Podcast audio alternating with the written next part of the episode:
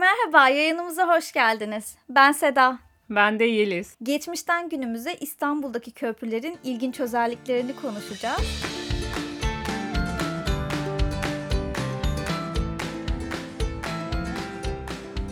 İstanbul'daki Haliç'teki ilk köprülerden başlasak mı? Olur öyle yapalım. İlk köprü ne zaman yapılmış? İstanbul'un fethinden önce de köprü varmış ama tabii biz onu sadece kaynaklardan biliyoruz. Diğerlerini de gerçi görmüş değiliz ama İstanbul'un fethinden sonra Fatih Sultan Mehmet bir köprü yaptırmış. E, Haliç'ten karşı kıyıya geçiş sağlanmış. Peki daha sonrasındaki bu bizim bildiğimiz hani Haliç köprülerinden ilki Haliç Köprüsü'ydü. Hayır aslında Galata Köprüsü. ya Haliç üzerinde ha. bu Biraz bize o köprülerin ilkinden bahsetsene ya. Bu evet Galata Köprüsü ilk köprü ama o da yenilenmiş mi onun? Şöyle fark edebilirsin farkını şu ankiyle eskisi arasında. Eski köprü daha böyle suyun üzerinde yüzen bir köprü. Ağır bir köprü ama temeli olmadığı için hafif böyle hareket ediyor. Bu şu anki Galata Köprüsü'nün yerindeki bir köprü mü? Evet, eski köprü. Ne zaman değişti o köprü? 1992 ee, yılında bir yangın çıktığı için o köprüyü kaldırmışlar. Daha sonra Sütlüce taraflarına kaldırdılar o köprüyü. Orada bir bakımı onarımı oldu. Daha sonra onu ihtiyaç duydukları yoğun e, trafik dönemlerinde kullandılar. Bir süre böyle etkinlikler için kullandılar. Hatta hatta biz orada 2008'deki İstanbul Tasarım Haftası'nda aydınlatma enstalasyonu yapmıştık. O işte sallanan köprü. Yani hani Anladım anladım. stabil değil. Anladım. Bizim o e, Design Week'lerinde yapıldığı köprü daha önce olan. Daha Galata'daki böyle... köprü o daha sonra sökülüyor. Etkinlikler için tekrar birleştirip dağıttıkları köprü. Bir de evet. şu anki günümüzdeki Galata Köprüsü var ki bu da bu köprülerin en eskisi mi? Ee, şu anki mevcutların en eskisi evet o.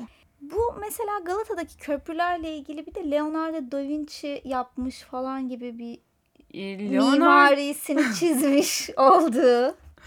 Yani Leonardo da Vinci'nin yapmadığı şey var mı diye soracağım önce. Gerçekten var mı öyle bir şey? Bir çizimleri, bir şeyleri? Ya aslında kaynaklarda şöyle bir şey geçiyor. Bunlar Leonardo da Vinci ile Michelangelo birbirleriyle böyle sürekli bir yarış halindeler. Kim daha iyi bir şey yaptı, kim nereyi yaptı, kim ne yaptı şeklinde. İkinci Beyazıt döneminde e, şöyle bir şey oluyor. Michelangelo papayla e, bir husumeti var. Yani böyle bir kırgınlık diyelim daha doğrusu. Ve İstanbul'a... Michelangelo papaya gönül koymuş. evet özetlersek öyle. İstanbul'a işte böyle bir gelecek. Çünkü o zamanlar şey diye geçiyor böyle Osmanlı padişahları sanatçılara çok kıymet veriyorlar. Kapılarını açtı. Çok altın, kese kese altınlar veriyorlar diye böyle bir söylenti var. O yüzden de e, Michelangelo da diyor ki ben İstanbul'a gideyim, benim kıymetimi bilirler. Böyle sanatçı tribiyle böyle bir söylenti yayılıyor. Hı hı. Bunun üzerine de tabii ki de padişah da hani böyle bir seviniyor işte onunla ilgili böyle bir gitgeller oluyor. Bunu e, duyan Leonardo da e, diyor ki padişaha bir mektup yazıyor. Padişahım sizin böyle bir niyetiniz varmış. Haliç'te bir köprü niyetiniz varmış. Benim de muhteşem fikirlerim var. Neden böyle bu fikrimi sizin o isteğinizle birleştirmiyoruz demiş. Ama tabii ki olmamış. Yani hiç gelmemiş, bir tasarımlar yapmış ha, bu... iddia ediliyor ama İstanbul'a özel olup olmadığı konusunda net bir aslında veri yok. Yani benim sorum şu. Sultan'ın hiçbir zaman böyle bir talebi olmamış. O kendi kendine çalışmış hani projeyi bana verirler diye. Evet aslında birazcık. Yani Osmanlı Devleti'nden ona direkt bir bize köprü yap gibi bir talepte bulunulmamış. Hayır yani kaynaklarda gözüken öyle bir şey yok. Hmm. Fatih dönemindeki köprü var. Ardından Fatih dönemindeki köprü var ama hani o tam bir köprü gibi değil yani. Biraz daha böyle hani yani böyle Anladım. Köprüsü şeylerin, bir şey. Evet, dubaların birbirine zincirlenmesi, üzerine ahşabı e, döşeyip hani böyle bir geçiş sağlıyorlar. Şimdi o sadece. köprüden sonra başka köprüler yapılmış mı yoksa bu eski Galata Köprüsü mü? Hayır var? değil. İkinci Mahmut döneminde mesela bir köprü oluyor köprü yapılıyor daha doğrusu. Un kapanından Azap kapısına doğru uzanıyor. Hatta böyle 1836 yılında inşaatı tamamlanıyor ve böyle sultan atı ile birlikte köprüden geçiyor. Böyle bir hikayesi var. Bir de o dönemler tabii bunun maliyeti çok yüksek olmuş. İşte köprü geçişlerinden ücret alalım demişler sultana. Sultan kabul etmemiş bunu ama sonraki dönemlerde Aa, evet, Nasıl? kabul etmemiş evet. Demiş benim zamanımda bundan para almam ben. Ama tabii daha sonraki Halbuki Sultan da bir yap işlet devret modeliyle bunu kullanabilirdi.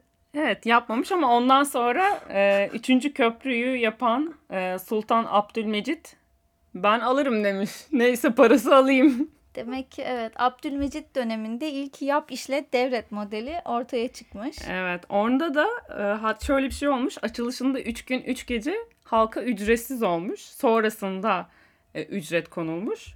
Ve öyle e, komik bir şey ki hani yüklü hamalla yüksüz hamal arasında fiyat farkı var. Boş eşekle dolu eşek arasında fiyat farkı var. Yani hayvana bile geçiş ücreti alıyorlar. Tabii o zaman araba olmadığı için araba dediğin hayvan. Evet ama bu e, ücret alımı 1930'a kadar devam ediyor.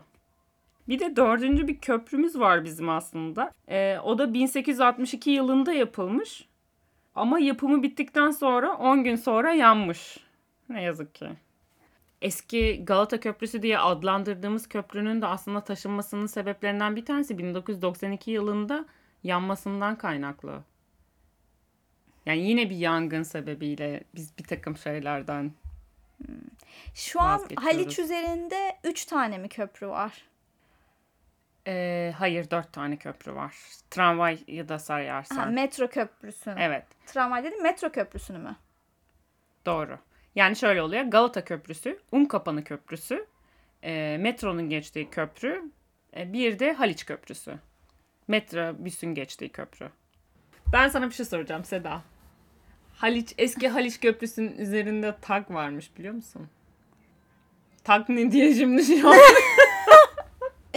Benim bildiğim bir zafer takı var. Zafer takı mı diyorlar ona? Vay. Niye zafer takı diyorlar Roma'da. ona? Çünkü bir zafer kazandıktan sonra böyle kapı gibi bir şey yapıyorlar. Haliç Köprüsü'ne. Ha hayır ya. yok yok bu Roma'da mı nerede bir yerlerde vardı zafer takları diye. Tamam bir de bizim Haliç Köprüsü'nde de varmış önceden. Bir tane- Girişinde ve çıkışında. Hmm, kapı gibi bir şey varmış yani. Evet aynen öyle. Değişikmiş. Haliç'teki köprülerle ilgili başka bir şey yoksa biraz şimdi Boğaz köprülerine geçelim mi? Geçelim Boğaz'a geçelim. Bir de Boğaz'ı görelim. Boğaz'da bizim şu ana kadar 3 tane köprümüz var. Bunlardan herhalde ilk ve en önemlisi olan 15 Temmuz. 15 Temmuz Şehitleri Köprüsü. Evet ben ona birinci köprü deyip geçmeyi tercih ediyorum. Birinci köprü ya da Boğaziçi. eski adıyla Boğaziçi Köprüsü. Boğaziçi Köprüsü ne zaman yapılmış? 1970'lerde yapılmış. 73'te sanırım bitmiş. Hatta 74'te BBC'nin bir belgeseli var. O dönemde Avrupa ile Asya kıtasını birleştiren köprü olarak böyle üzerinden yürüyorlar. İlk yapıldığı dönemlerde insanlar yürüyorlarmış. Ben de duymuştum. İlk yap- yapıldığında yürüme de varmış. Ama daha sonrasında çok fazla sallanma olduğu için ritmik yürüyüşle köprüyü tehlikeye atacağı için yaya geçişini kaldırmışlar. Evet. Ki mantıklı bir davranış. Aslında belki şu böyle bir ufak bir not verilebilir. Normalde köprülerin statik hesapları yapılırken e, araç statiğiyle yaya statiği farklı oluyorlar. Ritimleri, o tempo şeyleri farklı oldukları için hesaplamaları farklı oluyor. E, mesela o yüzden sadece yayayı açtıkları zaman hatırlıyorsundur belki bu 2015 yılları arasında bir şey. Tam tarihini hatırlamıyorum. Böyle köprü çılgınca sallanıyordu yaya ritminden dolayı. Orada o yüzden mesela şey yapıyorlar. Karışık yürüyün falan diye. Karışık O rezon- rezonans mı diyorlar ona girmesin Aynen. diye. Serbest yürüyüş. Burada köprülerle ilgili mesela şey konusu var. Tabii hani Haliç'teki köprüler varmış ama orada bir şekilde geçmek daha kolay. Kayıkla, sandalla bir şeyle ya da zaten arkadan arabayla dolanabiliyorsunuz. Boğaz içine bir köprü yapıldığı zaman bu gerçekten bir fark yaratıyor. Çünkü daha öncesinde sadece vapurlarla olan bir ulaşım acayip hızlı, kolay, rahat bir hale geliyor. onun kente kattığı artılar da var. Bir yere ne kadar kolay ulaşırsan o oranın değeri bir şekilde daha fazla artıyor. O var. Bir de çok enteresan bir kültürün de hani değişimine sebep olmuş bir şey aslında. Ee, bu dilenci vapuru diye adlandırılan Eminönü'nden Beykoz'a giden ve Boğaz sularında zikzak çizen bir Anadolu bir Avrupa yakasında zikzak çizen bir vapur var. Bunu çoğu insan bilir. Hatta ve şöyle bir söylem de vardır. Özellikle Beykoz yakasında inen, Beykoz kıyısında inenler onların kendi yerleri vardır ve böyle rakı sofrası kurarlarmış özellikle akşamları. Demlenerek giderlermiş Beykoz'a. Herkesin yeri var yani sen bir yabancı olarak gelip o kişinin yerine oturamıyorsun o vapurda.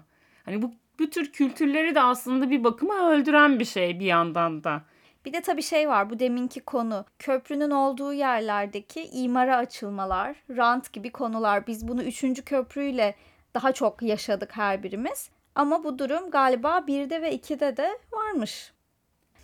İmara açılma, kalabalıklaşma, kentin daha kuzeye gitmesi gibi etkileri olmuş köprülerin. Ya bir, bir noktaya yol olduğu sürece tabii ki de gelişim oluyor. Oraya insanları çekiyorsun yani. Bu birinci köprüyle ilgili şöyle bir konu var. Bu tabii diğer köprülerle ilgili de. Şimdi köprüler aslında köprülerin iki ayağının olduğu yerde değer kazandırıyor ama köprünün dibindeki yerlere de değer kaybettiriyor.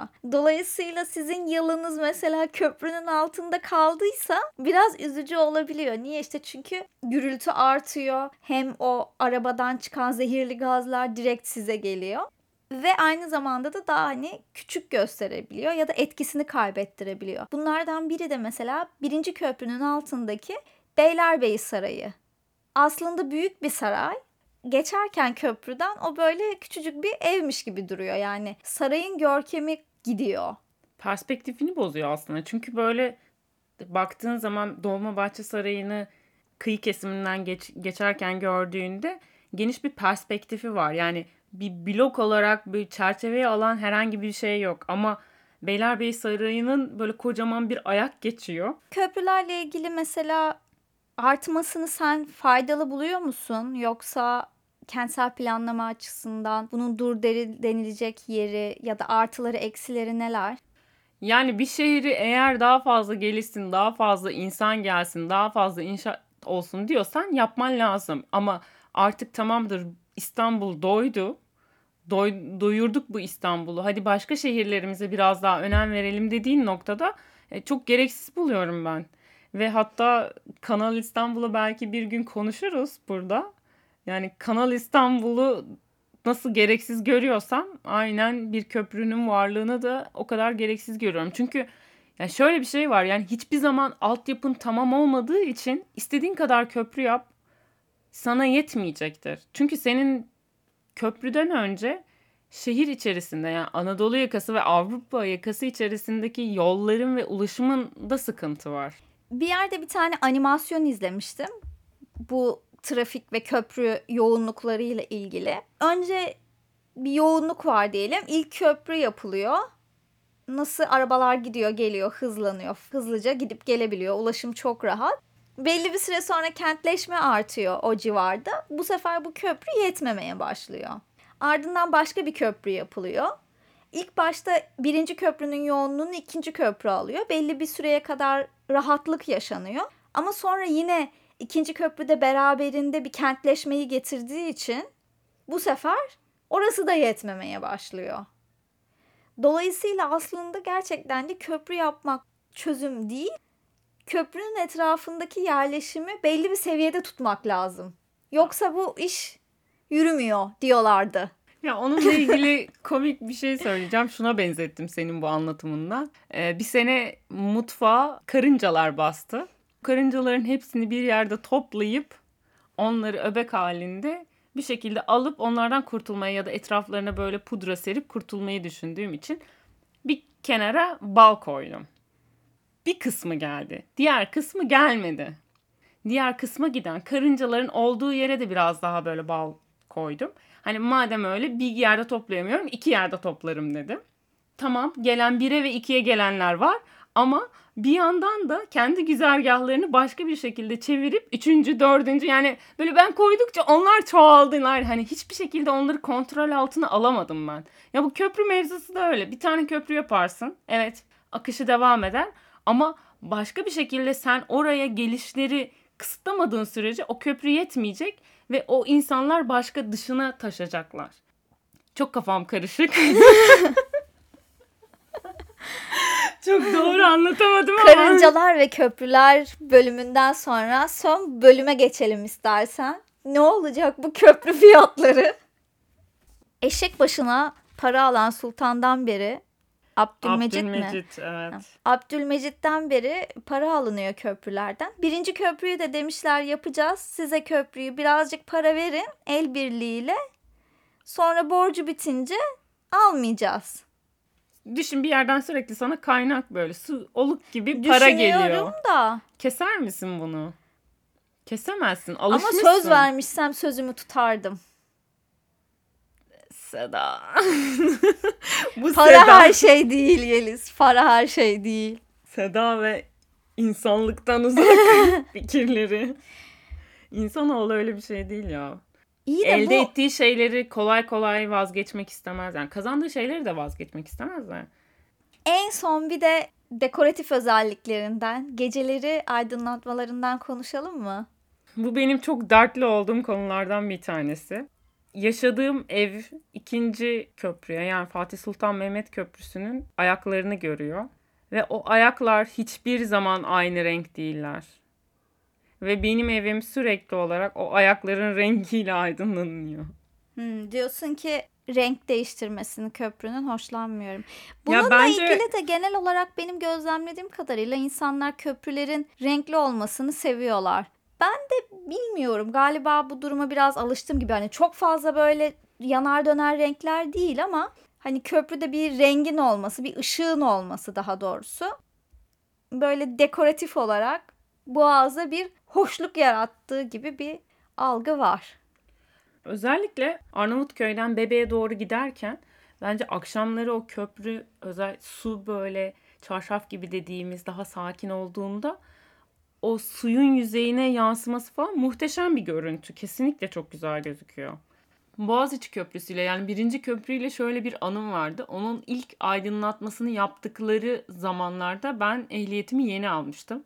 Ve o köprüden geçtiğim zaman beni böyle elimi ayağımı boşaltmıştı yani. Allah'ım çok güzel yıldız, ışık yıldızından geçiyorum. Star Wars etkisi süpermiş diye böyle kazaya süper meyilli bir ortam benim için. O birinci köprüdeki ışıklar zaten biraz şey ama biraz böyle göze geliyor. Bir de e, renk değiştirdiği zaman falan bir kısmı rahatsız edici olabiliyor. Doğru söylüyorsun. Bence bakımdan önce ilk e, montajını yaptıkları zaman o aydınlatmaların epey göz alıyordu.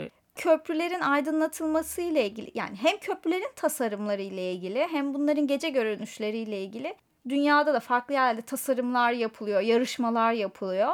Bizim bu köprülerimiz böyle standart mevcut yerlerin olabilecek yerlere ışık dizelim şeklinde. Özel bir yarışma, projelendirme falan yapılmadı galiba. Belki bu üçüncü köprü için yapılmış olabilir e, Hmm, doğru. tasarımı için- esnasında. Doğru onun için var galiba. Evet görmüştüm bir şeyler. Ama ben mesela onu da çok renk seçimlerini çok başarılı bulmadım açıkçası. Yani beni tatmin etmedi. Bu tamamen kişisel bir beğeniden bahsediyorum. Genel olarak bakıldığında galiba hemen hemen herkes köprülerin aydınlık olmasından memnun. Evet, aynen öyle. Çoğu memnun ama daha iyi olabilir Yani, kısmı var Evet. hep. Hani yapılan nerelere yapılan ne yatırımlara göre köprülerin hiç olmazsa genel olarak insanların uzlaştığı güzel şeylerden biri herhalde. Tahmin ediyorum öyle bence de. Baktığın zaman daha bir böyle evet dedirtiyor yani. Tamam hakkını vermişler dedirtiyor. Boş yatırım değil. Aynen. İstanbul'un köprüleriyle ilgili epey konuştuk galiba. Sadece şunu belki hani söyleyebiliriz. Eğer Galata Köprüsü'nden yürüyerek geçmeyenler varsa İstanbul'da olup da yaşayıp da geçmeyenler varsa bence kendinize bir fırsat yaratıp en yakın zamanda yürüyerek geçin.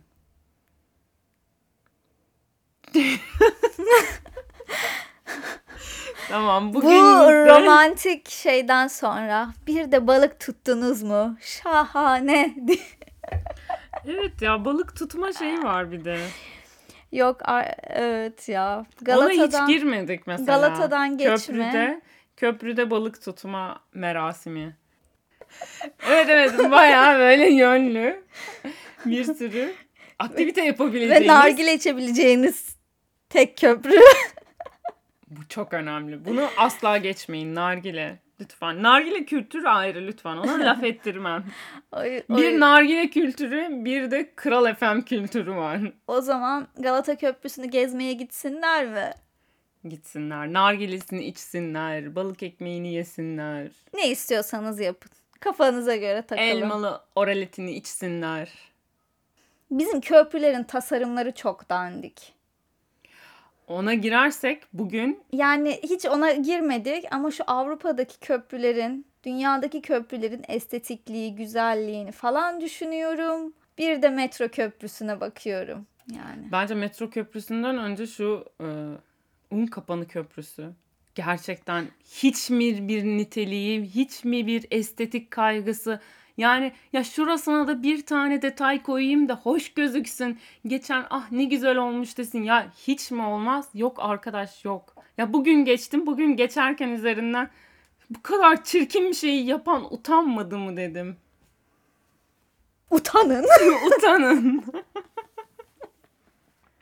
Seda da bu podcast'in kaydını yapmadan önce internetten dünyadaki en iyi 10 köprüye baktığı için Şu an bu köprüler hiç beni tatmin etmiyor. Belki siz de bakarsınız bu köprüleri incelersiniz. O zaman köprüler dosyasını burada bitirelim mi? bitirelim. Başka bir konuda görüşmek üzere diyelim. Hoşçakalın. Güle güle.